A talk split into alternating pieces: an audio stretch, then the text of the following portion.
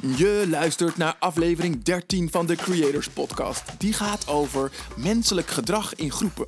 Ik spreek in deze aflevering met corporate antropoloog Dr. Danielle Brown. Deze aflevering zit weer bomvol interessante onderwerpen. Als je verder luistert, hoor je hoe we het hebben over wat corporate antropologie is en wat je eraan hebt in creatieve processen. De kracht van verwondering en hoe Danielle telkens weer haar oordelen uit kan stellen. Hoe Danielle balanceert tussen haar beschouwende rol als antropoloog en haar opinierende rol als columnist. Wat het doet om dreigmails te ontvangen als reactie op je ideeën. Nieuwe soorten van polarisatie en hoe we onze diversiteitsaanpak kunnen verbeteren. De rol van rituelen, liminale ruimtes, loslaten.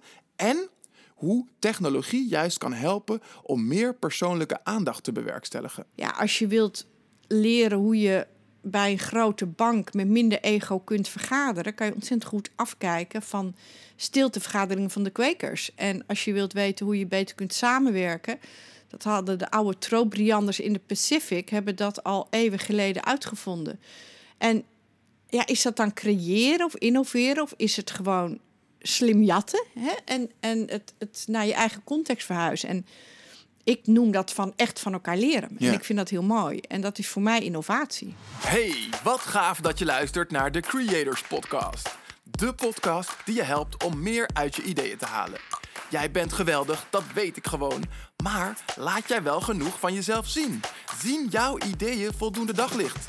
Ik ben jouw host, Ruben Klerks. En elke aflevering creëer ik samen met een andere gast een nieuwe bron van inspiratie om jou te helpen ook meer te creëren, meer van je ideeën te delen en meer van jezelf te laten zien. Luister lekker verder, raak geïnspireerd en dan niet langer wachten. Laat jezelf zien, maak die ideeën waar.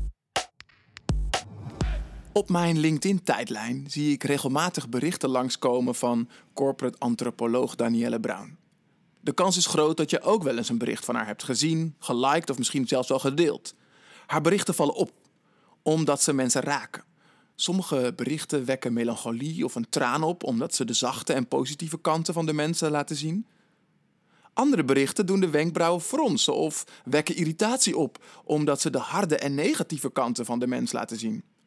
Wat ik ook van de inhoud van de berichten vind, ik vind vooral de manier waarop Danielle structureel en consequent haar en andermans ideeën deelt super inspirerend. Ik raakte gefascineerd door de twee verschillende rollen die Danielle heeft en uitoefent. Twee rollen die ogenschijnlijk lijnrecht tegenover elkaar staan. De rol van antropoloog, waar ze beschouwt en culturen onderzoekt, en de rol van columnist en steeds vaker mediapersoon, waar ze stelling neemt en haar persoonlijke mening deelt. Ik denk dat we heel veel kunnen leren van haar ervaringen van het reizen over heel de wereld en de manier waarop ze haar ideeën deelt. Dr. Danielle Brown is corporate antropoloog, spreker, directeur van de Academie voor Organisatiecultuur, auteur van de boeken Corporate Tribe, Building Tribes, Tribaal Kantoorgedoe en Das Gek. Ze stond 25 jaar met haar voeten in de corporate klei als manager en bestuurder. Danielle reist de wereld rond op zoek naar manieren om tribes te bouwen en leiders sterk te maken. Ze maakt organisaties graag klaar voor verandering en is expert op het gebied van organisatiecultuur en leiderschap. Haar motto is: aandacht is het nieuwe goud. Nou, voor wie mij een beetje kent of volgt, begrijp je nu vast wel waarom ik Danielle graag wilde spreken.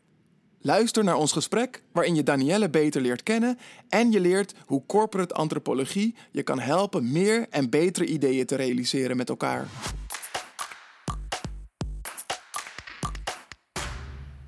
Welkom Danielle, wat leuk dat je er bent. Dankjewel. Een prachtige plek om hier te zijn. Ja, ja Een we, zitten, plekje. Ja. we zitten hier in een van de tiny offices op de Field, op het circulaire paviljoen de Field.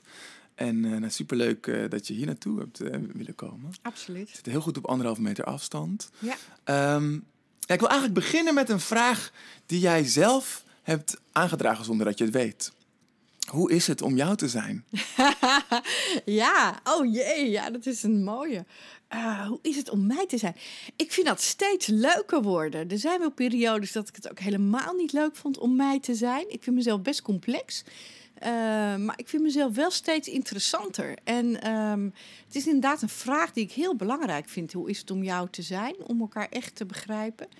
Dus ik vind het eigenlijk heel mooi dat je hem stelt. Dus ja, ik, ik ben steeds tevredener met mezelf. En eh, heb ook wel steeds meer het idee dat eh, nou, we hadden het in het voorgesprek even over hè, jezelf leren kennen, zelfkennis. Dat het eigenlijk, ik reis heel veel als antropoloog voor mijn werk, maar dat het toch wel absoluut de meest interessante reis die naar de binnenkant van jezelf is. En uh, dus ik kom er steeds beter achter wie ik eigenlijk ben. En ook dat dat weer verandert, Hmm. dat dat ook niet altijd een constante is. En wie is dat dan nu op dit moment? Wie, wie is Danielle Bruin? Ehm, ik ben op dit moment wel vrolijk, zeker van mezelf. Ik ben ook wel iemand die. eh, ik kan heel veel, ik heb heel veel energie. Laat zij iemand weer. Heb jij een geheime batterij onder je bed staan? Doe veel dingen. En eh, dat is en, en een lust en een last. Dus ik heb ook een heel druk hoofd, af en toe vol hoofd. Dus dat is ook zwaar. En ehm, ja, daar leer ik steeds beter mee dealen. Maar dat heeft wel moeite gekost om dat te doen. En ik ben absoluut ook antropoloog. Dus mijn beroepsperspectief, mijn manier van kijken, is meer dan dat ik ooit een studie heb gehad. Maar ik denk eigenlijk dat ik stiekem als kind al antropoloog was. Dat ik altijd iets liever buiten het gedoe stond dan erin. En dat ik ontzettend van kan genieten van eh, patronen zien van wat mensen doen. Ja. Ja, ik ben een Want- beetje een observeerder. Want Maak is- ook graag foto's. Dus dat, Ja? Ja, ja. Ja, dat, wij zijn Ja. be- begonnen met voordat we de opname starten met een foto maken. Dat is goed, want ik vergeet dat altijd. Ehm, maar is, is dat ook onderdeel van wat antropologie is? Eh, observeren? Absoluut, ja. Antropologen zijn zeker zijn mensen die observeren. En het is heel grappig als je antropologie gaat studeren. Het is altijd maar, in mijn tijd was het een klein groepje, nu, nu is het populairder. En ehm, dat, is, dat was wel een interessante sfeer, omdat het allemaal mensen waren die eigenlijk liever observeerden. Dus dat duurt dan heel lang voor zo'n groepje studenten elkaar echt een beetje kent. Want iedereen loopt een beetje om elkaar heen te Iedereen stond een beetje aan de, aan de, aan de rand van de, van de klas te wachten tot de ander Ja, dat is echt wel zo. En ehm, ja, dus dat observeren is, is zeker een ding. En het is wel grappig wat je, wat je zei, dat ik gelijk een foto maakte. Dat doe ik op reis ook. Ik heb heel vaak, als ik in een nieuwe ruimte kom... of op een nieuwe mooie plek op de wereld... of bij een mooie tempel... of uh, nou ja, zoals hier, zo'n ontzettend leuk, mooi stadsparkje... midden tussen de snelwegen, zeg maar als ik jou zie, dat ik kan overweldigd worden door de leukigheid van Neil. En dan is uh, observeren en ook fotograferen is voor mij een manier om die allereerste indruk en dat wauw, om dat vast te leggen. En als ik dat een uur later doe, dan maak ik niet meer zulke mooie foto's. Dus dat is, en dan zie ik niet meer dezelfde dingen. Dus die allereerste indruk, uh, de verrassing eigenlijk van iemand zien of een mooie plek zien dat is wel waar ik mee werk en wat, wat mij boeit als mens. Ah. Ja. Want, is, want is dat ook wat je, wat je doet als je naar andere landen reist? Uh, dat je eigenlijk je verbaast over wat je daar ziet? Ja, zeker. Ik, ben, ik, ben, ik voel me altijd nog, ik ben inmiddels groot, oud en wijs. En uh, ik durf wel te zeggen redelijk ervaren en ook nog gepromoveerd en opgeleid enzovoort. Maar ik voel me ook altijd nog een beetje Alice in Wonderland. Dat ik echt uh, kan rondlopen met een ja, met, met uitgesteld oordeel, maar met vooral verbazing dat ik dan nou ja, in, in Thailand op een of ander festival kom met mensen met totale piercings door hun wangen of uh, een tempel waar heel veel geitjes worden geofferd. En dan gaat er ook wel iets in me van jekkes, maar zeker ook van jemig. En Ja. inderdaad, hoe is het om jou te zijn en waarom doen ze dat? En dan wil ik het snappen. En dan gaat er zo'n grote verbazing aan, dat ja, die, die vind ik wel fijn eigenlijk. Ja. ja, ik denk dat het heel, heel fijn is en ook heel nuttig. Als ik kijk naar creatieve processen, dan is dat verwonderen uh, of met verbazing naar dingen kijken, dingen onderzoeken. is een hele belangrijke vaardigheid om, om ook weer nieuwe dingen te kunnen leren en inzien. Maar hoe doe je dat?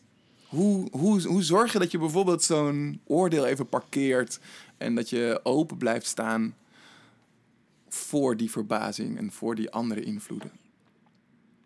Echt wel die vraag, hoe is het om jou te zijn? Ja, dat klinkt nu als cliché, omdat ook jij ermee bent begonnen, me dus aan heb, herinnerd. Maar dat is het wel, dat ik dan echt kan denken, ook dingen die ik heel uh, stom vind. Ik was bijvoorbeeld laatst, hè, dat is dan die, beetje die bedrijfsantropologische blik, was ik in een fabriek. En daar was een meneer die was stopmanager.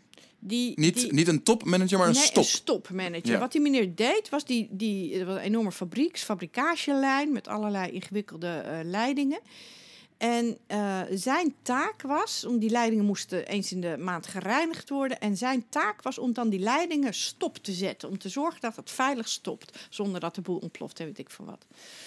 En die man die had echt enorme handboeken om heel precies te kunnen stoppen. Dat was ook echt een hele saaie man. Echt een, een nou ja, wat je een procedureneuker zou kunnen noemen.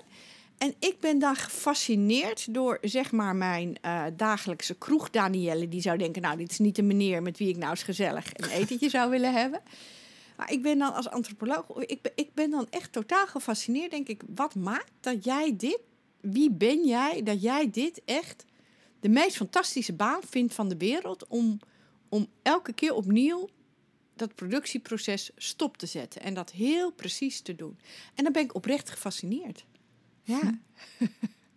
En hoe ga je dan te werk? Want ik kan me voorstellen bij een eh, stopmanager in een fabriek dat je dan eh, naar diegene toe kan gaan en ehm, een vraag kan stellen. Maar als je bij de Maasai of de Maori bent, dan heb je nog een soort van taalbarrière. Hoe, hoe kom je dan met hun in contact?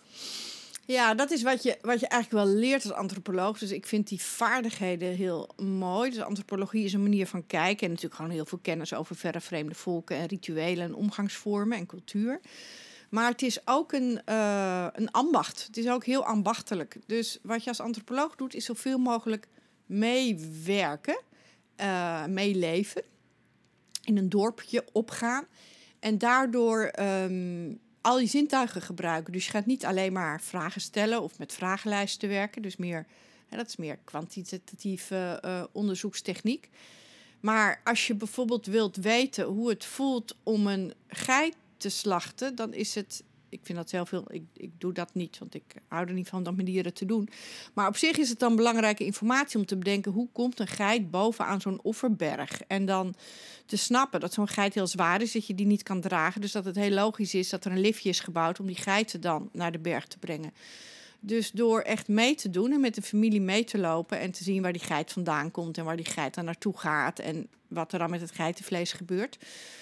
Ja, dan moet je eigenlijk met zo'n familie een tijdje meelopen, Mhm. meeleven. En dat is wat antropologen doen. Hè? Dus als je wilt weten hoe, hoe zwaar het is om rijst te oogsten, moet je het gewoon een dag doen. Ja. En dan ehm, gebruik je veel meer zintuigen dan alleen maar het verbalen. Maar dan voel je ook hoe het is om de hele dag Ja. gebukt te staan en hoe zwaar een zak rijst is. Dus meewerken, meedoen en eigenlijk je eigen zintuigelijke waarneming en je shock, die omzetten in informatie. Dat is wat Ja. ik het mooie van antropologie vind. Dus En dan ben je ook tegelijkertijd ben je, ben je inderdaad wel aan het participeren. Dus je stapt er wel in. In Je tegenstelling tot wat we misschien in het begin een beetje gekscherend zeiden. Dat je aan de zijlijn staat te kijken en dat je buiten het proces Ah, staat. daar heb je gelijk in, hè? dat is bijna een tegenstelling. Dus je zoomt in en uit, je gaat continu in en uit. Dus je, je doet mee, je oordeelt niet, je voelt. Vervolgens ehm, probeer je te filteren. Wat is je eigen oordeel?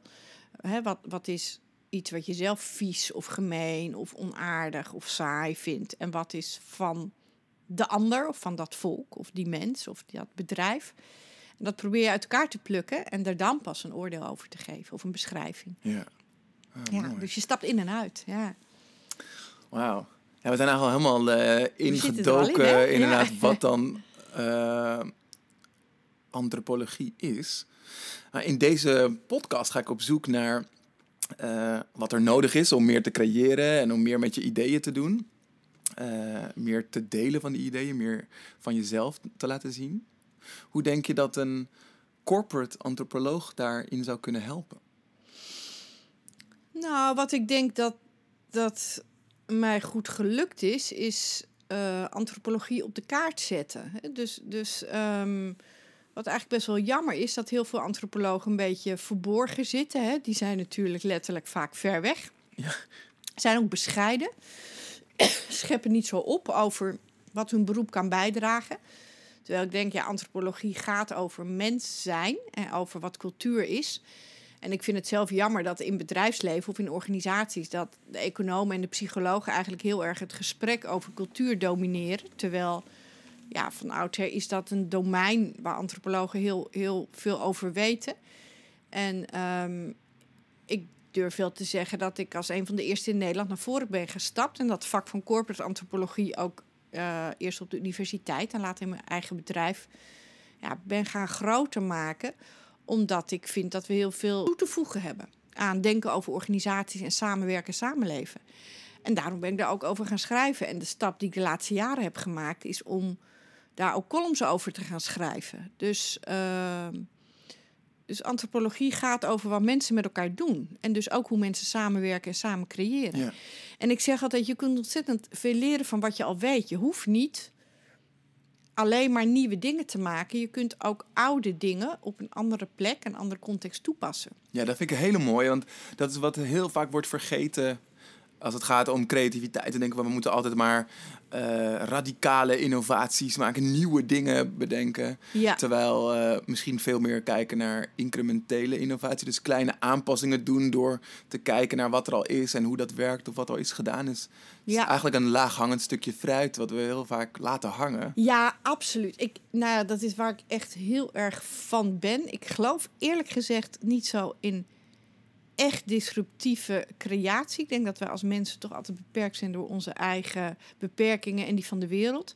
Maar ik geloof heel erg in uit context dat er iets anders ontstaat. Dus ehm, ja, als je wilt leren hoe je bij een grote bank met minder ego kunt vergaderen, kan je ontzettend goed afkijken van stiltevergaderingen van de kwekers. En als je wilt weten hoe je beter kunt samenwerken, dat hadden de oude Trobrianders in de Pacific, hebben dat al eeuwen geleden uitgevonden. En ja, is dat dan creëren of innoveren of is het gewoon slim jatten hè? en, en het, het naar je eigen context verhuizen? En ik noem dat van echt van elkaar leren. En ik vind dat heel mooi. En dat is voor mij innovatie. Ja. ja. Dus dat, dat, is wat jij dan doet als corporate antropoloog. Kijken, uh, of eigenlijk verhalen delen van uh, andere situaties waar een uh, organisatie van kan leren in de huidige tijd, in een huidige context. Ja, dat doe ik heel veel. Dat is een groot deel van mijn werk. Dus eigenlijk, ik noem dat in herinnering brengen wat we vergeten zijn. Zodra we, uh, zolang we, toen we gebouwen van beton zijn gaan bouwen en veiligheidshekjes zijn gaan maken en procedures, zijn we vergeten wie we zijn en hoe we als mensen werken. En wat ik eigenlijk soms ja, vaak doe, is dat alleen maar weer in herinnering brengen. Ja. Dus dan gaan we fuseren.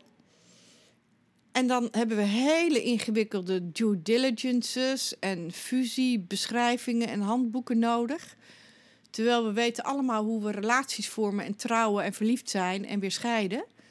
En dat hoef je alleen maar te doen. Ja, wel, ik vind het wel bijzonder omdat als je het hebt over in herinnering brengen, kan je iets herinneren wat je nog niet wist. Dus hè, als, ik kan me heel goed voorstellen als je het zo'n voorbeeld geeft van hoe wij bijvoorbeeld in Nederland uh, trouwen of met elkaar omgaan. Dus als jij in jouw ivoren toren in jouw werk zit, dat je dat uit het oog bent verloren. Maar hoe ze in de West-Pacific samenwerken, ja, dat heb ik nooit geweten, toch? Dus, nee, eh, dat is waar. Maar ik, ik denk, en dat is, dat is natuurlijk, hè, antropologen denken wel een beetje in collectiviteit. Dus ja. ik bedoel dan meer dat wij dat op zich als mensen weten. Ja als mensen kunnen we dat. Mensheid eigenlijk. De mensheid. In het, ja. ja, dus, dus uh, we weten, en zoals nu in een coronapandemie, uh, zijn we zeker in het Westen overweldigd, omdat we al heel lang niet gewend zijn om met grote rampen en ziektes om te gaan. Dat we een tamelijk ja, welvarend beschermd leven de meeste mensen hebben. Maar um, ik ben afgelopen kerst, nog net voor corona, dus vorig jaar zeg maar, in Cambodja geweest. En daar uh, hebben ze het afschuwelijke popotregime gehad, waarvan ze nog steeds aan het herstellen zijn. Dus er zijn heel veel, we weten op zich, zijn er heel veel voorbeelden in de mensheid van hoe je herstelt van trauma en oorlog en ellende en ziekte en rampen. Ja. Dus dat bedoel ik met herinneren. Dus je hoeft het zelf niet te hebben meegemaakt, of jouw stad, of jouw land, of jouw bedrijf niet. Maar je hoeft alleen maar bij de buren te gaan kijken. Is dat, is dat iets trouwens waar je in gelooft? In een soort die. Uh, in, in eigenlijk het collectieve organisme. Dus dat we ook een collectief geheugen hebben.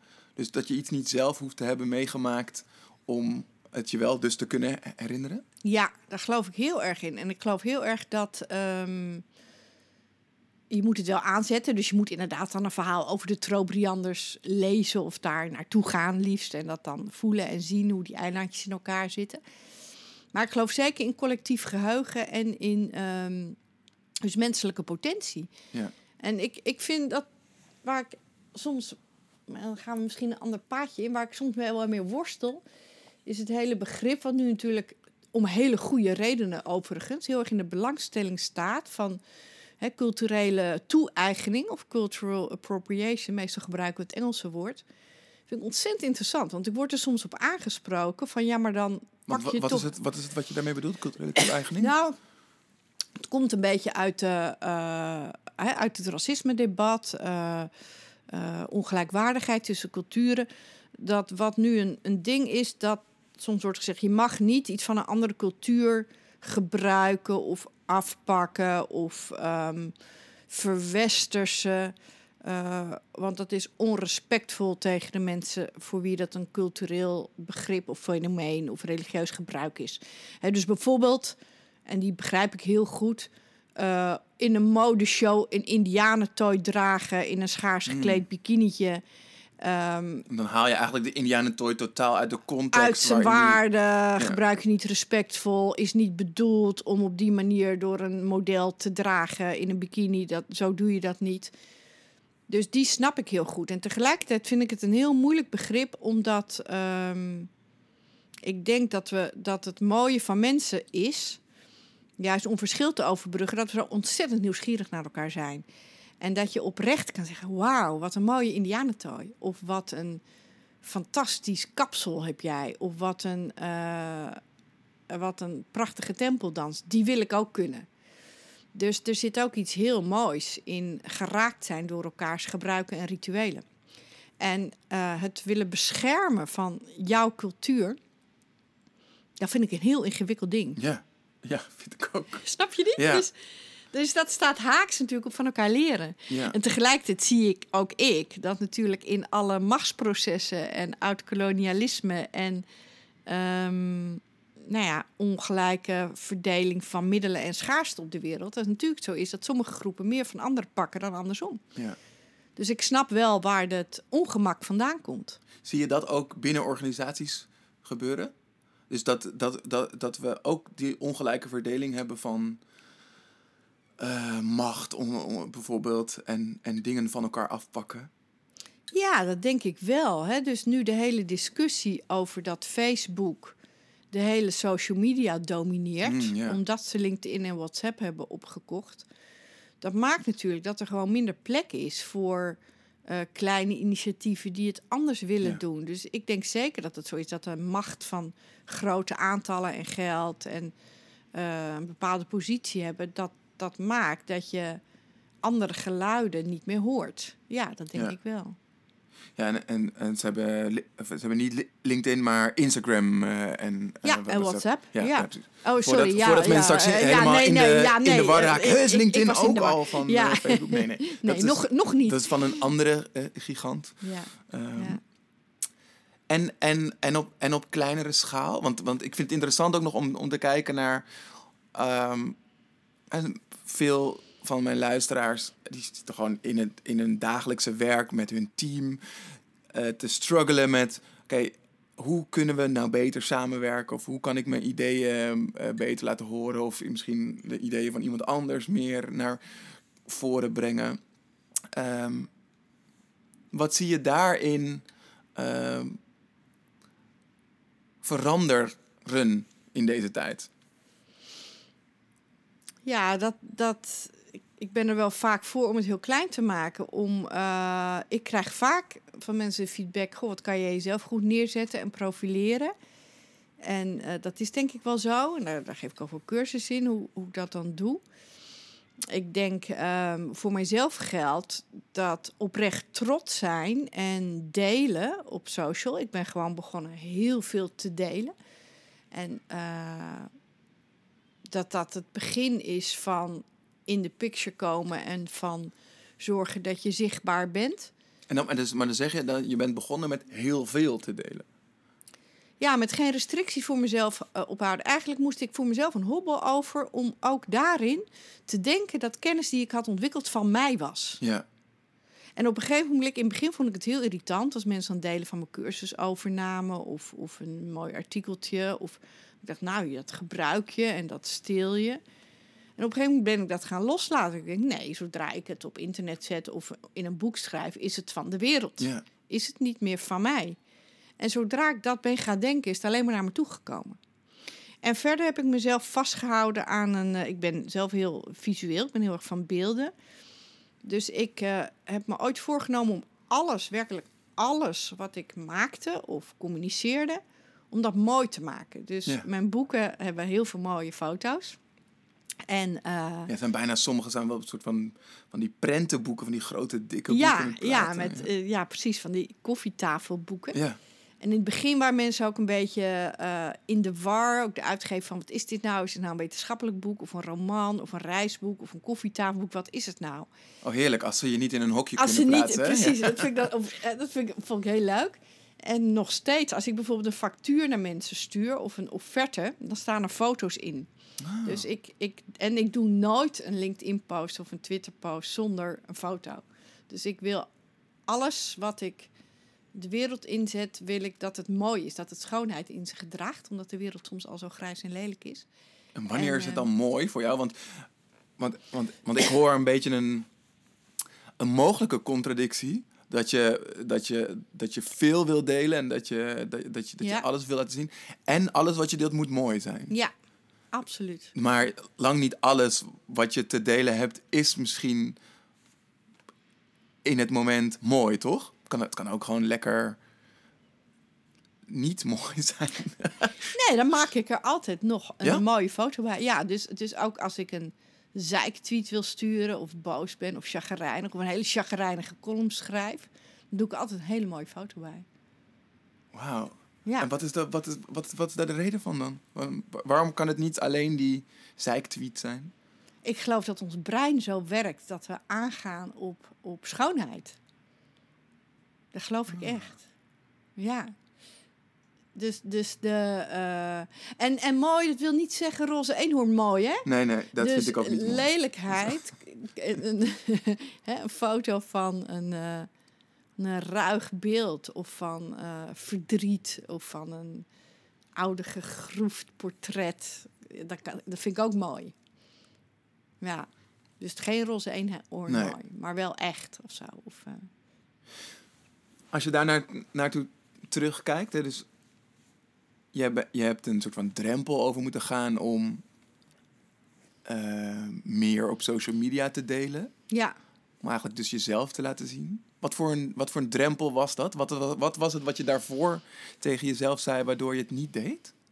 Nou, vanuit, vanuit dat antropologische en het, het, niet oor, het oordeelsvrije is het moeilijk om echt standpunten in te nemen. Ja. En wat wel zo is, is als je voor, zeker voor de reguliere media schrijft, voor kranten, dan word je wel gevraagd om uitgesproken mening te hebben. Dus het puur duiden ehm, is niet waarmee je in de krant komt. Je moet soms je uitspreken, voor of tegen. En ik probeer dat nog steeds altijd te doen op een afgewogen, duidende manier. Ehm, maar ik ben wel stelliger geworden. En ik ben vooral stellig tegen. ehm, ja, tegen te uitgesproken meningen. Dus, maar dat is ook een stelligheid. Dat is ook een isme. en eh, dat heb ik moeten leren. En, en ook om daarbij eh, flinke klappen te incasseren. Dus ik heb vorige week een column geschreven over dat ik echt vind dat je niet vaccineren, dat dat asociaal is. Dat Ja. je daarmee, eh, ja, dat we zo individualistisch zijn en, en vergeten zijn dat we toch echt nu hierin iets collectief te regelen hebben.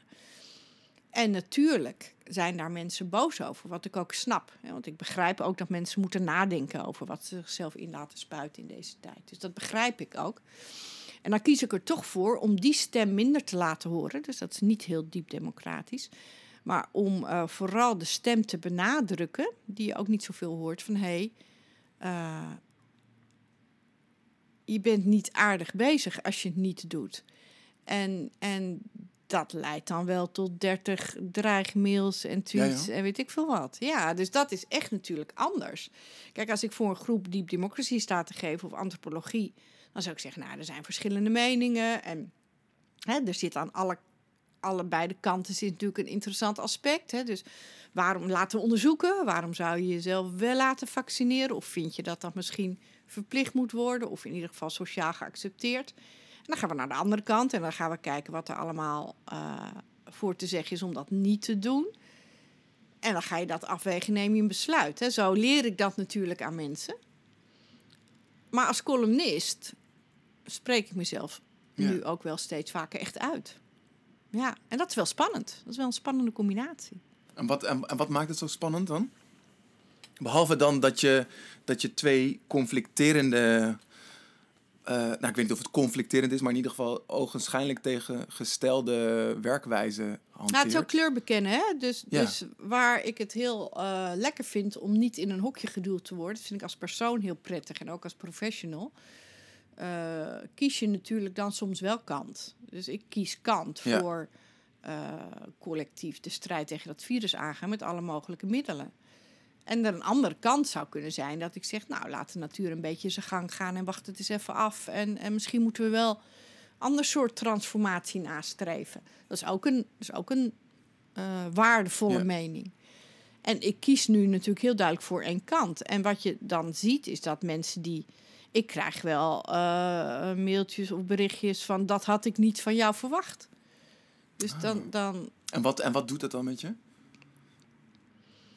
Ehm, nou, steeds minder. Dus ik, ik, ik vind ook echt wel.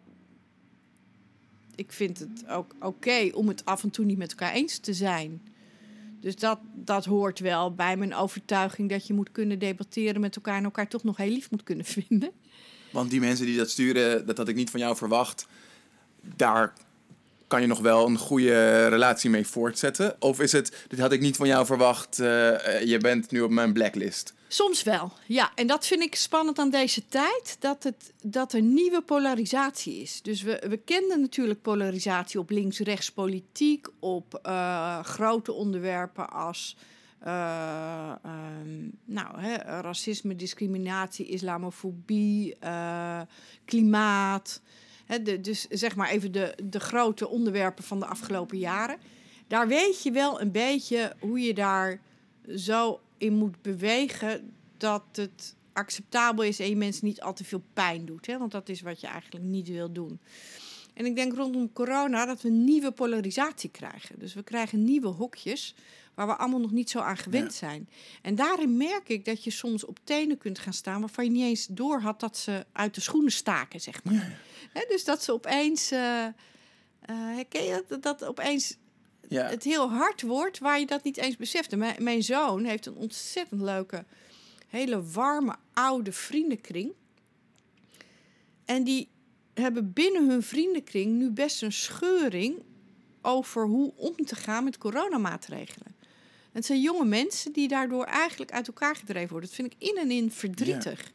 En ik denk dat dat wel komt dat het zo'n nieuw, eh, spannend onderwerp is, dat het hele heftige emoties oproept. Dus ik merk wel dat ik nu soms wat heftiger emotie oproep dan bij al die andere dingen waar ik ook wel wel stevige dingen over Ja. zeg af en toe. Ja, het is natuurlijk ook, denk ik, wat er ook mee te maken heeft, dat mensen vinden het volgens mij ook prettig om je, zoals we net zeiden, in een hokje te kunnen Ja. plaatsen. Of een beetje een beeld te kunnen creëren van, zodat ik weet of dat ik een verwachting kan scheppen van hoe jij zal reageren of, of ja. handelen. En Ja. omdat op al die andere onderwerpen heb ik misschien al vaker Ja. jou gezien of gelezen of gehoord. Dus dan kan ik een beetje inschatten, nou, Danielle zit daar. Ja, Eh, maar op zo'n nieuw onderwerp, dat, dat terwijl ik dan eigenlijk denk, ja, maar als Danielle op het gebied van politiek in, in die hoek zit, dan had ik eigenlijk verwacht dat ze op het gebied van corona Ja. daar zou zitten. En als je dan ineens iets... dan ben je onvoorspelbaar Ja. of zo. En ik vind het zelf altijd heel leuk om uit hokjes te blijven. Ehm, dus daar doe ik, doe ik levenslang al mijn best voor om niet in een hokje gezet te Daar worden. kunnen mensen ook heel onzeker van worden, heb ik gemerkt. Van dat je niet in een hokje te plaatsen bent. Ja, dus dat je, de, de- doordat, doordat jij uit dat hokje blijft Ja. en zij jou niet kunnen plaatsen. Ja? Leg eens uit. Hoe, Nou ja. Heb jij dat zelf? Dat me, dat, ja, ik, ik, ehm, ik hoor het zelf vaak. Ja? Eh, zelfs mijn vriendin zegt dat tegen mij. Ehm, Dus doordat, doordat ik dan geen stelling neem Ja? en uit dat hokje blijf en eigenlijk in, ook in mijn observerende of bevragende modus zit, Ja. ehm, gaat er bij, bij andere mensen dan vaak een soort van onzekerheid spelen van, maar wat wil die eigenlijk? Ja, of ja, wat, omdat je geen kleur bekent Ja, of, of- omdat je alle kanten laat precies, zien. wat is het nou wat hij wat, die- wat, die, wat die echt vindt? Ja. Ja, dat herken ik wel hoor. Dat, Ja? is, dat is wat mij ook vaak, eh, vaak wel gebeurt. Ja. ja, en dat is wel dat is interessant. Hè? Dus, dus de, het, het, het, het niet mogen twijfelen of niet meerdere Ja. kanten zien is een soort... eh, ja, dat vinden mensen een beetje spannend. Gek, hè? ja, klopt. Ja. Je bent lekker aan het luisteren en wees gerust, deze aflevering gaat ook zo weer verder. Maar zoals het zo vaak gaat, vergeten we in de waan van de dag wat echt belangrijk voor ons is. Vind je deze podcast leuk? Maak het jezelf dan gemakkelijk door de podcast te volgen of je te abonneren. Klik op volgen of abonneer, zodat je zeker weet dat je volgende afleveringen niet mist. En nu, gauw verder luisteren. Als we teruggaan naar dat bedenken van ideeën en het delen van ideeën. Ehm, dan, ik, ik ben dan zo benieuwd hoe eh, die behoefte om mensen in een hokje te kunnen plaatsen of om een voorspelbaar beeld neer te zetten, je beïnvloedt op het moment dat jij iets van jezelf wil delen. Wat zijn jouw ideeën daarover? Nou, ik denk dat het hè, vanuit de antropologie, het is een ontzettend natuurlijke neiging van mensen om elkaar in hokjes in te delen en om muurtjes om je gedachtegoed te bouwen. Ik, ik, ik adviseer veel organisaties op het gebied van polarisatie en racisme. Ik ben veel actief bij de politie. En dan zeg ik altijd, eh, diversiteitsbeleid of racismebestrijding begint echt bij erkennen dat we niet houden van verschil. Als je dat probeert weg te wuiven, Ja, dan ben je alleen maar sociaal wenselijk voor de bühne bezig. Ik noem het altijd, ja, diversiteitsbeleid jaren tachtig. Nou, dat heeft niet zoveel geholpen, weten we allemaal. Dus hè, dan ga je zeggen, ah, ik vind het zo ontzettend leuk dat je anders bent. Ja, bullshit. Je brein vindt dat niet leuk. Hè? Ja. Dus, dus ja want ik heb jou ook wel eens horen, horen zeggen dat discriminatie dat dat in ons zit. Ja, dat is gewoon wat we doen. Dus, dus als je iemand ziet die er echt heel anders uitziet, of een andere, of dat nou kleren is of huidkleur, of dat je inschat dat iemand politiek anders geaard zal zijn of leeftijd of wat dan ook. Wat je gewoon kunt meten, dus dat is niet een mening, maar dat is wat je gewoon kunt meten neurologisch met van dat leuke badmutsonderzoek, is dat je compassie, eh, hersenactiviteit is groter bij iemand die op jou lijkt dan bij iemand die niet op jou lijkt. Dat is een gegeven. Ja. Dat kan je leuk vinden of stom vinden, maar dat is een gegeven. Dus wij, eh, waarschijnlijk gewoon vanuit oer, paringsbehoefte, wij slaan meer aan in liefde op mensen die op ons lijken. Geldt dat ook voor ideeën en uitspraken? Dat we meer aanslaan op ideeën en uitspraken die op onze eigen ideeën en Het is uitspraken het makkelijkst om om te gaan met mensen die op jezelf lijken. Dan heb je Ja. gewoon minder gedoe. Alleen, we weten ook, daar hoef je niet bij te laten. Daar hoef je niet, dat hoef je niet te accepteren. We zijn inmiddels geëvolueerd en verlicht en we zijn geen oerapen meer. Dus we weten dat je dat compassiebrein heel makkelijk kunt aanzetten. Dus als er een kindje in een klas komt die uit een ander land komt en geen Nederlands spreekt, dat hebben we ook kunnen onderzoeken, dan weet je dat eigenlijk wat het enige is wat helpt, is niet zeggen je moet dat kindje hetzelfde vinden als jij, want dat, zo werken onze Mhm. hersenen niet. Maar om te zeggen, goh, dit is Fatima, en Fatima spreekt geen Nederlands. En hoe zou het zijn voor jou als jij in een klas komt en niemand kan je verstaan? Hoe zou dat dan voor je zijn? En wat er dan gebeurt is dat ons compassiebrein aangaat en dat we denken, oh dat is naar, misschien kan ik Fatima wel helpen. Of Ja, want ik zou, ik zou het ook fijn vinden als iemand mij dan zou uitleggen vinden. waar de wc is. Ja, dus dan geef je eigenlijk een soort quick starter Ja. aan, dat, aan dat brein. En ik denk dat we elkaar een beetje in deze wereld moeten opstoken om dat te doen. Dus om verschil en nieuwe ideeën, als je het hebt over creatie, ehm, dat we nieuwe ideeën niet direct wegwuiven of wegwimpelen, maar zeggen: Goh, dat is interessant, zullen we het eens onderzoeken met elkaar? Ja, ja goeie. Dus dan moet je je, ja, je eigen eh, help, wil ik niet, lastig, moeilijk, te veel werk, eh, te anders, eh, te maf, te spannend zo. Dat moet je actief onderdrukken en zeggen: hé, hey, laat ik eens even gaan kijken wat er wel interessant aan is. Dus voor mij is niet vaccineren of antivaxen is een soort, ja, daar ga ik van op uit. Hè. Dat vind ik een irritante mening. En Ja, ga, je, ga je uit of aan? Ga je... ja, ik ga vechten. Ja. Ja. Ja. en dat heeft natuurlijk altijd alles met jezelf te maken. Hè? Dus ik, ik heb zoveel gereisd en zoveel mensen gezien met de wanhoop in hun ogen. Die zeiden, geef maar alsjeblieft een poliovaccin voor mijn kinderen. Dat ik het heel moeilijk vind dat wij in Nederland de geprivilegeerde, noem ik het, discussie voeren. Mhm. eh, waarvan ik denk dat je die alleen maar kunt voeren als je echt heel lang niet weet hoe het is om echt een, heel erg ziek te worden van besmettelijke ziektes. Dus ik vind dat een heel westers verwend standpunt. Dat komt door mijn ervaringen. En het is natuurlijk ontzettend. eh, mijn uitdaging is om, als iemand heel erg tegen vaccinatie is, om echt te gaan vragen: hoe is het om jou te zijn? En, en vertel. En dan kom je natuurlijk achter dat er natuurlijk enorm veel wijsheid in die mening zit. En dat nu al blijkt dat die vaccins het misschien allemaal niet allemaal even goed doen. Dus dat het wel degelijk waarde heeft om eens even heel goed te kijken wat je nou eigenlijk voor, Ja. voor zo inspuit. Dus, dus, maar als je nieuw wilt creëren en nieuwe ideeën wilt omarmen, zul je ehm, je er eerst een beetje positief toe moeten verhouden. Ja. Wat, wat ik daar ook nog interessant in vind is... Ik hoor van heel veel mensen dat als ze het hebben over hun ideeën... en over hoe andere mensen op die ideeën reageren... is dat ze eigenlijk voor zichzelf dat eh, idee koppelen aan hun identiteit. Dus als iemand hun idee niet goed vindt... en ergens denken ze dan... diegene vindt mij niet goed. Oh, dus ja. als jij op social media iets post... en iemand reageert daar heel erg negatief op... Ja, Reageert hij dan negatief op jouw mening, op jouw, op jouw Ja. standpunt of op jou als persoon? ja. Ja, dat is wel interessant. Hè? En dat, dat probeer ik voor mezelf steeds meer eh, te scheiden. Dus om te kunnen zien dat ze niet aardig op mijn mening reageren. Maar dat is wel moeilijk, want, Ja. want het debat is steeds meer, zeker, ik denk dat het wordt uitvergroot doordat we in een spannende tijd leven, eh, dat je direct in het bakje ik vind jou niet leuk gaat. Ja, En, en dat we eigenlijk meer kijken naar wie iets zegt en bij welk netwerk je hoort. Zo van ja, maar die is bevriend met die of die, of die hoort daarbij, of bij dat clubje, of die heeft ruzie met die. Dat we daar veel meer waarde aan hechten dan aan eh, wat zegt iemand nou eigenlijk? Ja. Of wat voor een idee heeft iemand, wat voor een plan. Ja, we stoppen mensen heel snel in, in hokjes.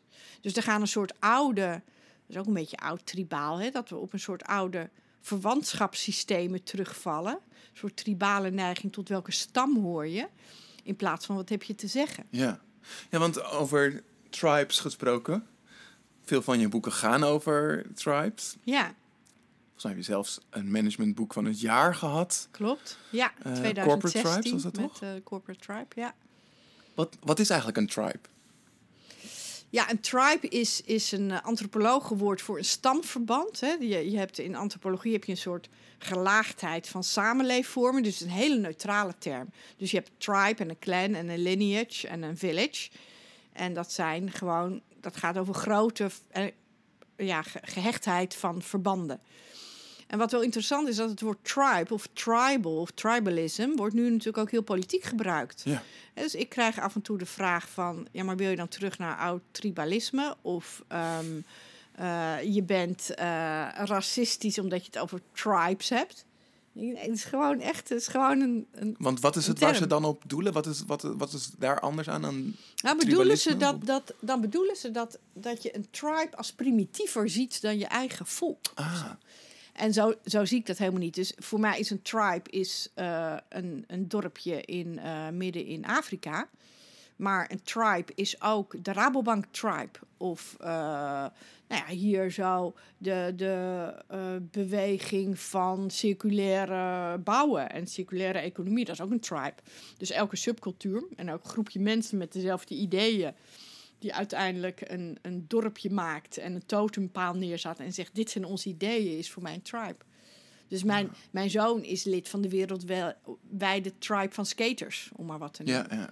ja, en je bent dus onderdeel van verschillende tribes. Of je kunt onderdeel Heel zijn erg. van, van En zeker nu we eh, allemaal zo- groottes. Ja, en nu we, hè, vroeger had je tribe, dat was gelijk fysieke locatie. En dan sprak je dezelfde taal en had je dezelfde cultuur. Hè, was het leven veel overzichtelijker. Maar door onze globalisering en internet eh, leven we in hele diverse tribes en identiteiten.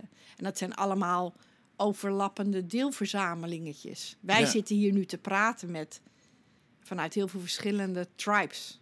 Jij bent de tribe van podcastmaker en van ondernemer. En we delen de tribe van trainer. En uh, dus we hebben gemeenschappelijke tribes en eigen tribes. Als we die gaan uitzoeken met elkaar, denk ik. En, en elke tribe heeft, eigen, heeft een eigen cultuur. Ja. Of kenmerken. Ja. Um, ethiek misschien ook wel. Ja. En wat natuurlijk, wat gebeurt in dat in hokjes plaatsen, is dat je mensen in jouw tribe probeert te krijgen of je tribe uit probeert te gooien. En dat is interessant, hè? Want nou, ik, ik in dat hele racisme-polariteitsdebat uh, ja, daar schrijf ik veel over. En ik zeg soms dat ik een Joodse achtergrond heb en dat ik met een vrouw getrouwd ben. En nu verscheen ik laatst op een lijst van zwarte spreeksters. Buitengewoon boeiend, hè? Ja. Dus dan, dan, terwijl als je mij ziet, ben ik toch echt behoorlijk wit. Maar ik ben wel kind van een vluchteling. Dus ik snap hem wel. Ik snap wel dat ik kenmerken heb om mij op een lijst met zwarte spreeksters te zetten maar ik ben natuurlijk helemaal niet zwart. Het was niet een zwarte lijst van sprekers. Nee, nee, een lijst van mensen met kleur. Ah. Dat is interesting. Hè? Dus dan, dan zegt eigenlijk zo'n tribe, die zegt op een gegeven moment, jij mag bij onze tribe horen. Ah. Terwijl ik mijzelf daar nooit op zou zetten of, of vinden dat ik daar een plek Klinkt heb. een beetje als de, als de gay scene die ook uh, dan zo'n soort van bescherm man of vrouw aanwijzen die dan niet per se zelf oh ja. gay is, maar die dan een soort van. Ja. Dat, dat jij misschien een boegbeeldfunctie kan vervullen voor hun. Ja, ik weet niet wat dat dan is. Ja. Want, want hebben, hebben ze uitgelegd hoe het kwam dat je op die lijst terecht kwam? Nou ja, omdat je dus uh, opkomt voor minderheidsgroepen of standpunten. Maar eigenlijk wel, als het gaat over antidiscriminatie, juist wel weer goed dat je. Uh, als niet-zwarte op een zwarte sprekerslijst kan Ik vond het een grote eer. Ik ja. moest ook ontzettend om lachen. Maar ik dacht wel van ja, hoe dan? Hè, zo. Ja. Dus dat is, dus dat, dus, uh, identiteit en tot een tribe en tot een hokje horen. Het is een heel raar fluïde concept. Ja. En wat je zegt, dus, dus, dus het oude woord tribe was heel makkelijk. Hè? Cultuur is gelijk plek, is gelijk taal. Zag je er ook nog allemaal een beetje hetzelfde uit. Dus het was heel eenvoudig. En dat is Ja. nu natuurlijk veel complexer geworden. Ik denk dat ze er daarom ook zo mee bezig zijn. Dat het complex is. Ja. En, en wat valt jou dan op nu in deze tijd? En laten we het even tot Nederland beperken. Als, eh, als we in onze werktribe samenkomen om samen te werken. En dat we wel een beetje truttig omgaan met nieuwe ideeën. Dus Ja, ik- truttig? Ja, ik vind Nederland wel een beetje truttig in. eh, doe maar gewoon, dan doen we al gek genoeg. Dat is ook een interessant. Het is ook, heeft ook iets leuks. Hè? Een, een beetje dat Nederlandse doe maar gewoon model. Maar ik kan soms wel blij worden van een land als Australië of de VS. Waarin eh, nieuw en eh, leuk, wat breng je mee? Hè, waar kom je vandaan, wat breng je mee? Dat dat veel hoger gewaardeerd wordt. Dat vind, Ja. ik, wel, dat vind ik wel een lekkere vibe. En wat, Ja. en wat maakt het dan truttig? Dat, dat, dat we denken, doe maar gewoon, dan doe je... al- Nou, dat, dat dat compassiebrein bij ons wel heel snel uitgaat op nieuwe dingen. dat, we, dat we gewoon wel makkelijk vinden. Ja. ja, makkelijk inderdaad. Ja, Het is- je dat? Ja, Ja. nou ja, zeker. Ja, dat, vooral dat mensen het ongemakkelijk vinden als iemand anders iets anders wil. Of met een, met, met een ander idee komt. Om- Ja. om- waar, waar ik bijvoorbeeld veel in terugzie is dat als mensen een vreemd idee horen, dan ergens horen ze dat ik dat dan ook moet gaan doen. Oh ja. Ehm, en dat is ongemakkelijk, want dat zou betekenen dat ik mijn aanpak moet veranderen. Oftewel, misschien bedoel jij wel gewoon dat dit een superleuk idee is wat jij gaat doen. Of Ja. wat jij met een ander clubje mensen gaat doen. Dus ja, dan. ja, ja, dus dat je gelijk een beroep op je gedaan wordt, zodat je zegt dat je vegan wordt en dat dan de ander denkt, oh, dan mag ik ook geen, Ja. geen gehaktballetjes meer eten. Ja, ja ik- Oh, dat ja. vind ik een mooi voorbeeld. ja, Toevallig ben ik, of eet ik vegan. ja. Eh, en dat, dat vooral in het begin toen ik dat aan mensen vertelde, tegenwoordig vertel ik het ook niet meer. Want Ik vind het niet meer toegevoegde informatie, behalve wanneer jij voor mij gaat koken en Ja, vraagt. dan is het wel handig. Dan is het handig Ja. dat je het weet. Maar dat het inderdaad precies dat, dan, dan denken mensen alsof ik een waardeoordeel heb over hoe zij eten. En dat zij dan ook anders zouden moeten eten. Terwijl je kan ook gewoon aan mij vragen vanuit oprechte interesse waarom ik vegan ben gaan eh, eten. Of, eh, Dat vinden we moeilijk, hè? Ja. We denken gelijk dat je dan ook eh, iets moet of zo. Ja. ja. Ja, dus dat er, dat er dus blijkbaar in mensen hun hoofd ook acties dan aan vastzitten. Ja.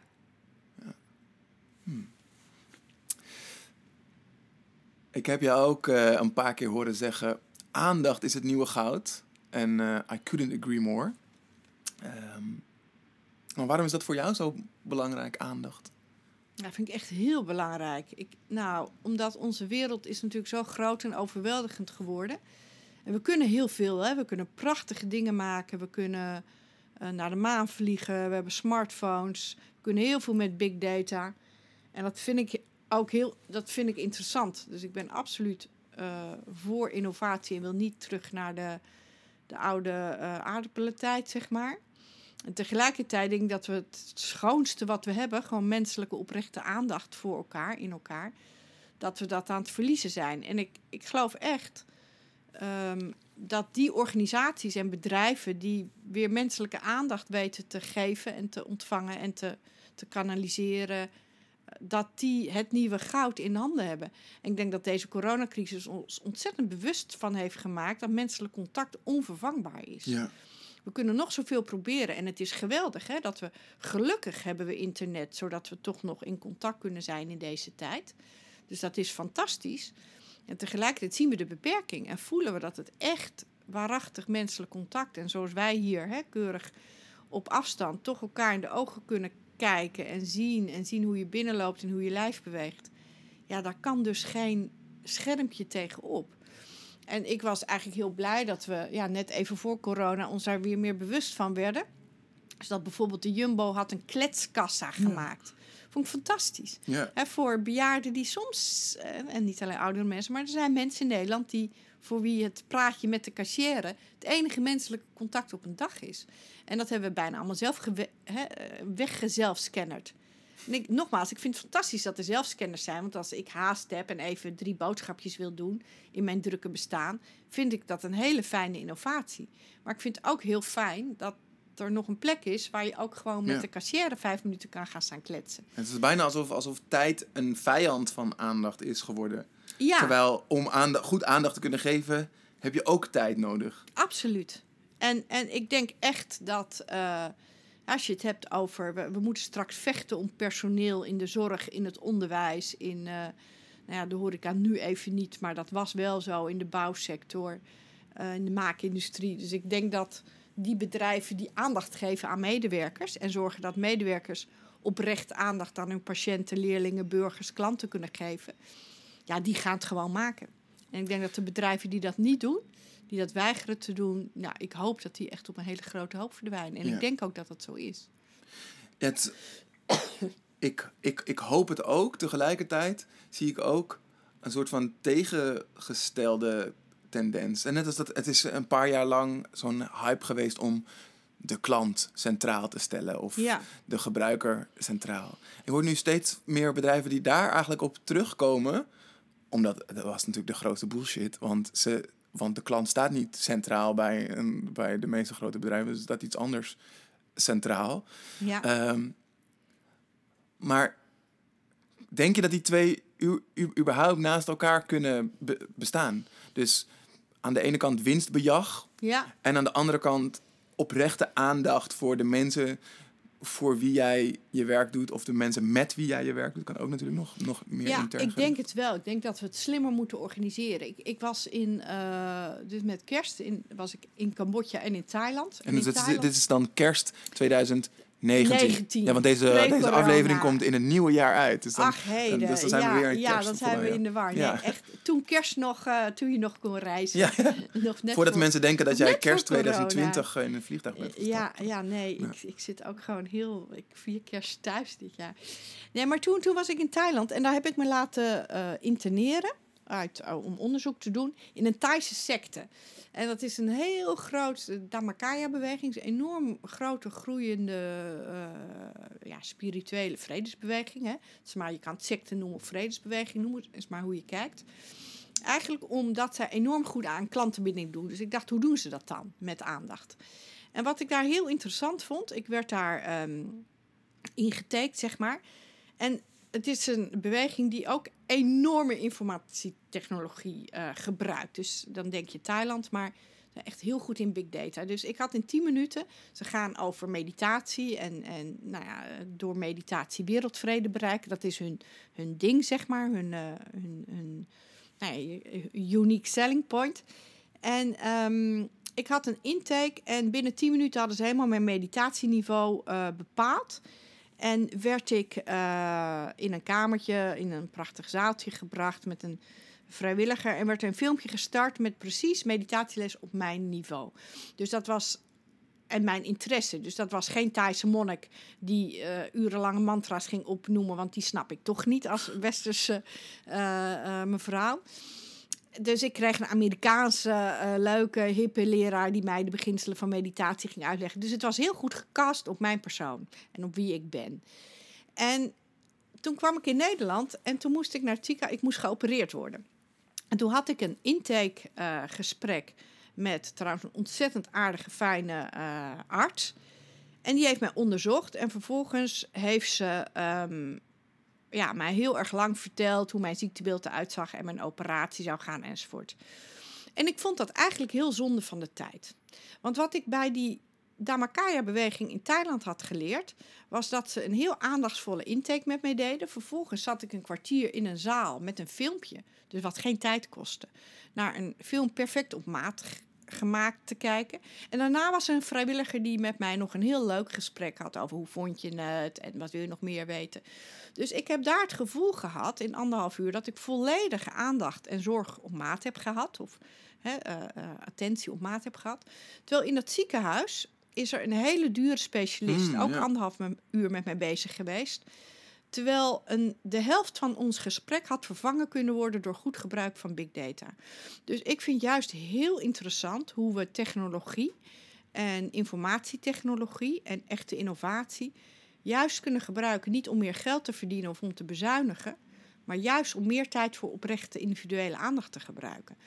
En daar ben ik nu in zorginstellingen mee bezig. Die vinden dat ook interessant. Dus als je het idee loslaat dat tijdwinst door informatietechnologie, dat dat moet leiden tot meer winst. Maar als je kunt zeggen, nee, dat investeren we terug in menselijk contact, ja, dan krijg je volgens mij hele interessante concepten. Ja. Dus nou, dat, hè, in het kader van leren van wat we al weten, ze deden dat gewoon heel slim. En uh, dan staan we nog zo in de kinderschoenen dat inderdaad een te dure specialist mij eigenlijk routinehandelingen uitlegt.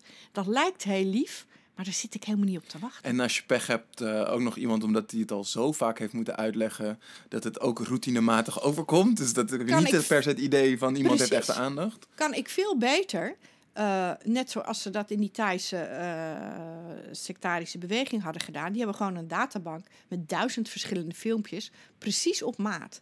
Kijk, het heeft natuurlijk geen zin als ik één standaard medisch voorlichtingsfilmpje nee. krijg.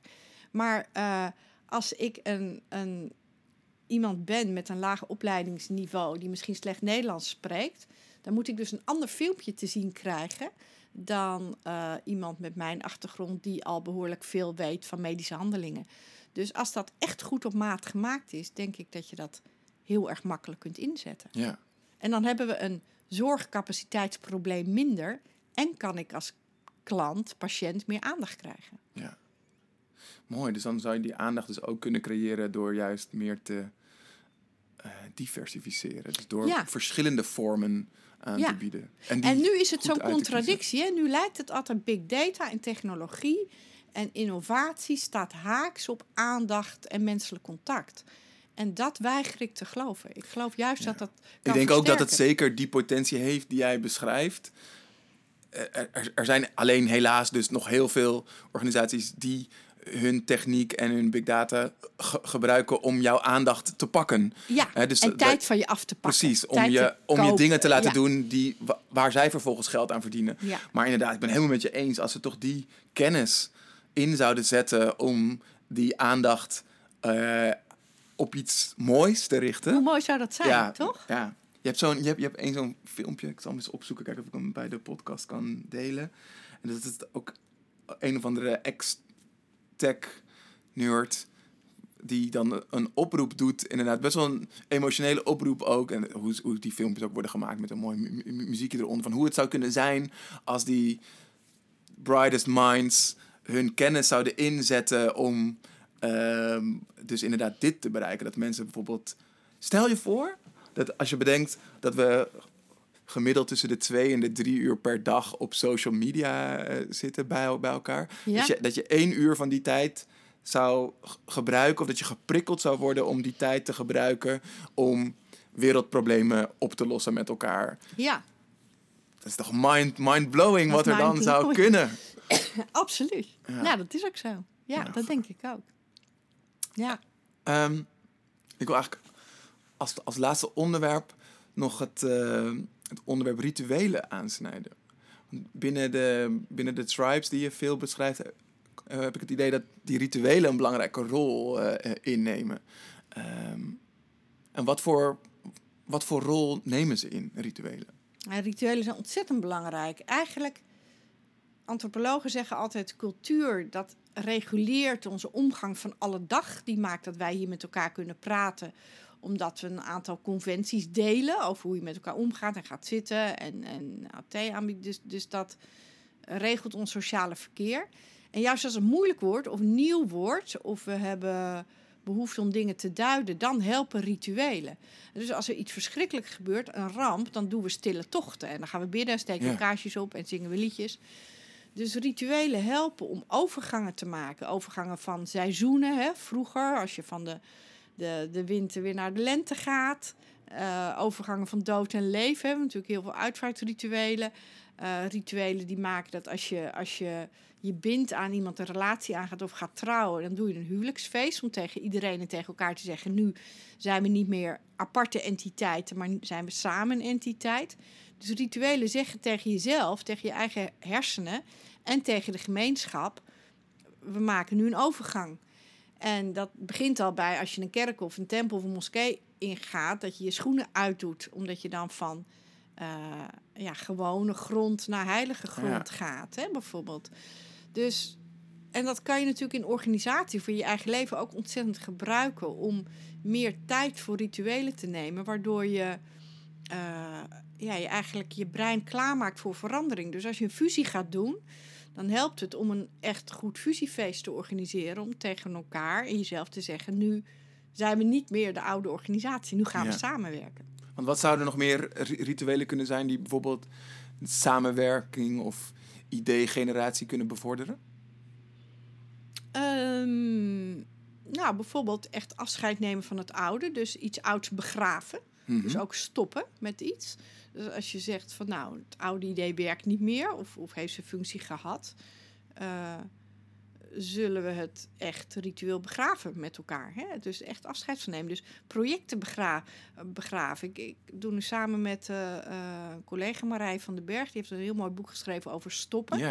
En dat vind ik heel fascinerend. Dus wij geven samen een workshop over stoppen. Waarbij zij een aantal dingen doet en ik vertel over stoprituelen. En ik denk dat we heel veel doormodderen in organisaties, omdat we niet een project, we beginnen het en dan beginnen we met een kick-off. Ja. Maar we hebben nooit een, we hebben, daar hebben we niet eens een woord voor, een kick-out of een kick-off of zo. Dat doen Ja. we bijna niet. Dus dingen bloeden een beetje zo dood. Dat is net met vriendschappen die je een beetje uitlaat flubbelen of doodbloeden. Terwijl je kunt ook zeggen, goh, we hebben hele mooie jaren met elkaar gehad. Zullen we echt Ja. stoppen met onze vriendschap? Een eh, kennis van mij heeft toen hij van zijn vrouw sch- scheidde, hebben ze samen een scheidingsfeestje gegeven. Ja. Dus- en in, in, in het begin werd er heel raar op gereageerd. Maar als je er, toen we het er met elkaar over hadden, was het eigenlijk heel erg logisch. Want, als, want het alternatief was dat die gemengde vriendengroep anders ook een soort van opeens niet meer elkaar zou zien, Oh ja. omdat ze niet meer bij bij elkaar over, over de vloer komen. Ja, Dus door inderdaad ook daar aandacht aan, aan te besteden, was het een mooie af, afsluiting van ook een. tijd. hè? En dan moet je nog wel goed genoeg zijn met elkaar om dat Mhm. te kunnen doen natuurlijk. Maar ja, Ja. ja, stop. Ja, en sowieso stoppen is natuurlijk, heeft ook een belangrijke rol in eh, het creatieve proces. Dus ja. we, wij hebben het vaak over creatieve destructie. Dus kan je ook ruimte maken voor iets nieuws door met iets anders Te te stoppen. Ja. ja. dat is interessant. Hè? En ook, ik kan me voorstellen dat je als je, hè, als je iets nieuws wilt creëren, dan helpt het ook om in een, ehm, ja, in een ruimte te komen waar je je hoofd leeg maakt voor innovatie. Dat is natuurlijk wat over op de wereld gebeurt, wat monniken doen als ze gaan bidden. Of eh, hè, dat je toch eh, ja, je ruimte, eh, dingen die je brein kalmeren juist, of juist prikkelen. Dus, dus een haardvuur aansteken of bij een mooie plek in de natuur gaan zitten. Of eh, juist hele rustige of hele opzwepende muziek opzetten. Ja, dat helpt je om in een andere staat Ja. van uit de dagelijkse sleur naar het creëren of het nieuwe of het out of the box denken te komen. En je kan dus eigenlijk ook je eigen ritueel creëren. Het kan al iets simpels zijn als dat je inderdaad een kaars aansteekt of, eh, Ja, zeker. eh, ja. of Zeker. inderdaad bepaalde muziek opzetten. Dat vind ik wel mooi. hè. Ja. ja, en ruimtes zijn ook heel interessant. Hè? Dus je hebt eh, ruimtes waarin andere dingen gebeuren dan in andere ruimtes. Dus bijvoorbeeld je hebt wat je in antropologie li- liminal space noemt. Dus liminaliteit, een soort tussenruimte tussen het oude en het nieuwe in. En we hangen nu door corona een soort collectief in ja, niet weten, hè, in het Ja. ondertussen. En je hebt liminale ruimtes, zoals stations of vliegvelden. Dat zijn of wachtkamers van Ah. artsen. Daarin heb je andere gesprekken dan op andere plekken. hè. Dus in de wachtkamer van de arts kan je het opeens hebben over je hernia. Terwijl het zou heel raar zijn om dat in de supermarkt met iemand te doen. Dus je hebt van die ruimtes waar de tijd en het leven stil lijkt te staan.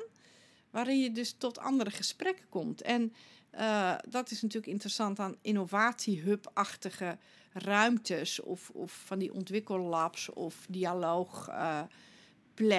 waar je al door de inrichting van de ruimte Ja. doordat het los is van tijd en plaats, waar je tot meer ideeën of andere ideeën kunt komen.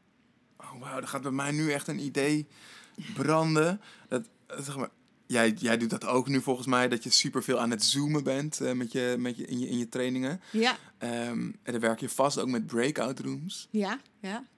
Dat eigenlijk die, als je van en naar breakout rooms verplaatst, heb je normaal in de fysieke wereld had je ook die liminale ruimte. ja. Waar dat je dus even naar een andere ruimte Ja. Maar nu is die soort, die liminale ruimte is wel ge- eigenlijk gemarginaliseerd. En die wordt ook nog eens door iemand anders bepaald. Ja. Want jij drukt op het knopje dat ik nu naar een andere ruimte eh, moet. En dan vloep, dan ben ik ineens weer daar. Daar, Ja. zou, je, daar zou je echt nog wel iets, iets Ik denk dat we daar dus doen. ook heel raar van worden. Ja. Omdat we gewoonlijk heb je dus inderdaad de tijd dat je naar een ander zaaltje loopt. En dan ga je of even naar het toilet. Of je, je kletst even met die ene. Het is ook de tijd voor roddelen en Ja. flirten. En, en nog even met de baas meelopen. hey, ik wil zo wel een grote rol in het project. Hè. Dus het is ook ruimte om hiërarchie te regelen. Oh, Dus daar kan je van alles in wandelgangen doen. En we werken nu natuurlijk zo efficiënt dat we de wandelgangen hebben weggeorganiseerd. En ik Ja. denk echt dat dat is waardoor mensen ook een beetje ongelukkig, eenzaam en moe aan het worden zijn. Dat is niet, mensen zeggen ik wil moe van het, ik krijg vierkante oog van het scherm. Ik geloof daar niet zo in. Nee. Ik geloof dat je moe wordt van het missen van al die sociale interactiedingetjes. Dus dat je eerder onderprikkeld dan overprikkeld bent. Mooi. Oh, daar ga ik nog Denk even op eh, door. Ja, nee, ik, ben, ik kan me daar helemaal in vinden. Eh, ja, een soort van wandelgangsessie eh, zie ik. Ja, dus we ik moeten een soort. Star Trek cyberspace Ja. plekje in, bi- voordat je naar een breakout room Ja. gaat. Maar. Ik, ben- ik, ik, heb, ik ben al wel langer al met dit idee aan het spelen. En in mijn volgende sessie heb ik iets ingebouwd samen met een hele leuke eh, videomaakster. Dat we een soort van wachtkamermuziek hebben. ja. Eh, en een wachtkamerfilmpje. Er zit een soort van meditatieoefening bij. Gewoon een heel simpele ademhalingsoefening. Leuk. Maar dus om te, mee te experimenteren als je uit een breakout room komt of als je in de Zoom sessie komt, in plaats van dat er al vijf mensen met hun gezicht in beeld Oh ja. zitten en dat je dat awkward moment hebt van oké, mag ik ook iets zeggen moet ik iets zeggen? ja. Eh, dat je gewoon voor iedereen eenzelfde wachtfilmpje hebt wat even concentreert op we gaan over vijf minuten beginnen. Oh, eh, fantastisch. adem in, adem uit en dan eens kijken wat er, wat er dan Of dat, ge- of dat werkt. gebeurt, Wat ja. goed. Dat Ja. is wel mooi. Ja, je kunt je ook niet meer... Dat is op zich als trainer is het wel relaxed. Want in een conferentiecentrum of zo ben je altijd mensen kwijt. Want er zit een groepje Ja. verstopt in het bos of achter de bar. En nu, eh, Ja, Ja. dat kan niet meer. Hè? Dus Ja. het is ook ultieme control. Zo'n Nou, dat is, dat, is, dat, dat, is, dat is een thema waar ik, waar ik me vol op heb gestort. Op, ehm, kan je als trainer en facilitator juist nu meer die controle loslaten? Want je kan niet met dezelfde mate van controle... Ik, ik denk dat het sowieso al niet gezond was om met die mate van controle een sessie te, te, te organiseren. Om alles te willen controleren. Je kan echt wel vertrouwen op wat er in die, in die groepjes gebeurt en dat er iets ge- gebeurt. Maar kan je dat nu het online is en je eigenlijk allemaal tools aangereikt krijgt om meer te controleren, Ja. het juist meer loslaten? Want ja, voor wie ben je die ene poll erin aan het schieten om te meten wat ze ervan vinden? Is dat Ja. omdat je echt het aanbod voor jouw deelnemer wilt veranderen of ook kan veranderen in, in het moment? Of is dat omdat jij zelf wil weten eh, wat ze, wat ze Ja. ervan vinden of wat ze ervan hebben Of opgestoken? omdat het gewoon hip is om een poll te doen. Precies. Ja, Ja. ja, goede vraag. Hè? Dus hoe kan je eigenlijk het zo menselijk mogelijk maken? eh, Ja. je- ja, want dan heb je het ook over, over aandacht inderdaad. Van- Zeker, dus zeker. je eigenlijk je, je afvragen voor wie doe ik dit? Ja, ik vraag vaak aan mensen ook nog voor corona, als ze dan nieuwe manieren van werken of hè, kantoorloze kantoren gingen introduceren.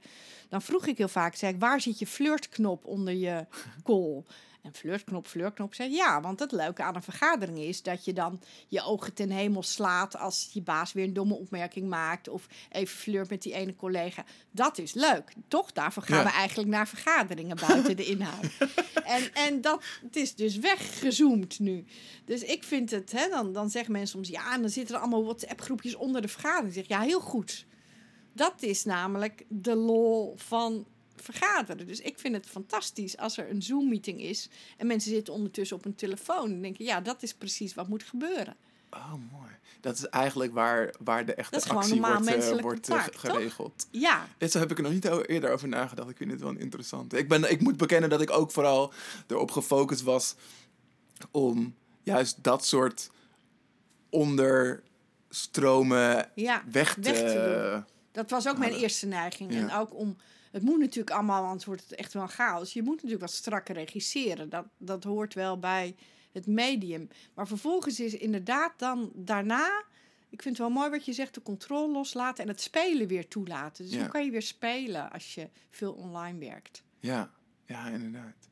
Ja, en wat ik daar ook nog wel interessant in vind, is dat je dan, doordat het nu met zo'n techniek werkt, is het, het is veel moeilijker bijvoorbeeld om tegelijkertijd te praten. Ja, Eh, dus precies wat je beschrijft, dat je normaal in een vergadering kan je ook gebruik maken van dat er twee andere mensen met elkaar aan het praten zijn. Dan kunnen wij ook nog even een onderrondje hebben. Ja, nou, ja. Dat wordt in een Zoom-meeting Ja, totaal uit, uitvergroot. Want als ik iets zeg, dan staat de camera opeens eh, bovenop mij. ja, Ehm, dus ja, het is wel interessant om te kijken hoe je dat ook nog. hoe je dat toch kunt doen. Ja.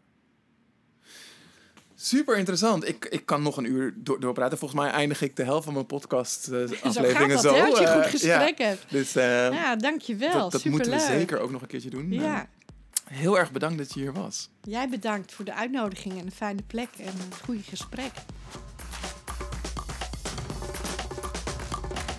Wil je jouw waardering uiten over deze podcast? Dat kan. Deel dan op je socials dat je hebt geluisterd en wat je hebt geleerd uit deze aflevering. Delen wat je anders gaat doen na het luisteren werkt nog krachtiger. Dat helpt je pas echt creëren. En het helpt ons om nog meer mensen te bereiken. Dat zou tof zijn. Dankjewel alvast dat je zo goed voor jezelf en ons zorgt. En wil je nou nog verder werken aan je persoonlijke ontwikkeling en dat op een leuke manier doen? Schrijf je dan in voor onze Self-Disco. Dan ontvang je elke week een mail boordevol tips, tools en inspiratie om jezelf en anderen beter te leren kennen, jezelf meer te laten zien en effectiever te communiceren. Surf naar www.thecreatorscompany.com en schrijf je in. Volgende keer spreek ik met Ron Simpson, eigenaar en bedenker van de Avocado Show en een ware ideeënmachine, over wat er nodig is om zelf ook zo'n ideeënmachine te worden en meer ideeën te realiseren. Tot dan! Veel te veel waardevolle ideeën blijven onbenut. Veel te veel mooie mensen blijven ongezien. Ga jij daar verandering in brengen? Stap dat speelveld op en laat jezelf en jouw ideeën zien. Wat goed dat je luisterde naar de Creators Podcast. Tot de volgende keer.